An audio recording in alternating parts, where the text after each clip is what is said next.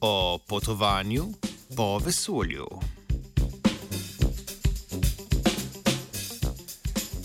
V novi študiji so britanski znanstveniki pokazali, da je teoretično možno, da si planeti med seboj izmenjujejo manjše delce materije, tudi mikroorganizme.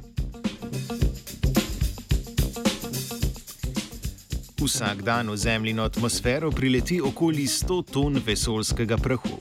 Gre za majhne delce, ki nastanejo naprimer pri trkih asteroidov in drugih nebesnih teles.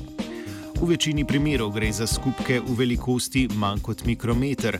Znanstveniki pa so sedaj izračunali, da je iz zgolj kinematičnega vidika možno, da vesoljski prah v vesolje izbije druge majhne delce iz naše atmosfere.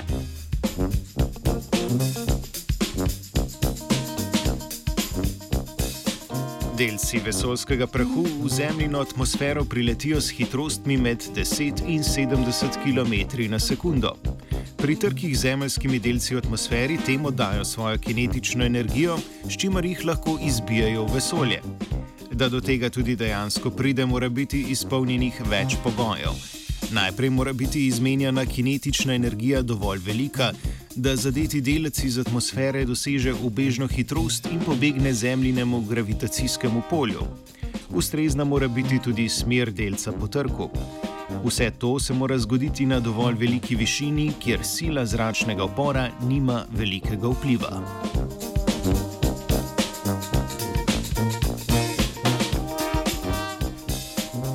pomočjo opisanega mehanizma bi lahko na Zemljo prišli materijali iz drugih planetov in obratno.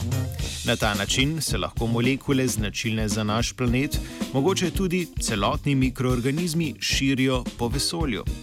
V preteklosti so že bili opravljeni eksperimenti, pri katerih se je ugotavljalo, ali lahko določene vrste bakterij preživijo v vesolju. Na mednarodni vesoljski postaji so bakterijske spore izpostavljali vakumu, radiaciji in ekstremnim temperaturam. V vesolju 400 km nad površjem Zemlje so spore preživele leto in pol.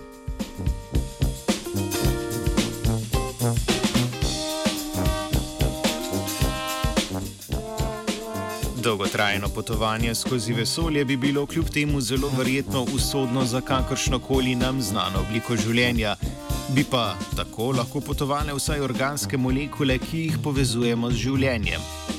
Hipoteza, da se življenje po vesolju širi s pomočjo mikroorganizmov, se imenuje panspermija.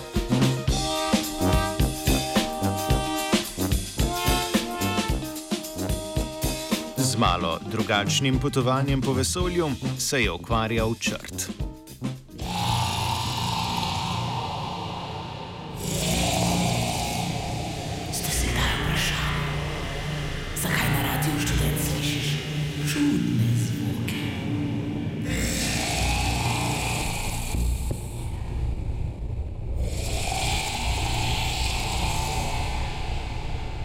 Ne govorijo samo američani z vesolci.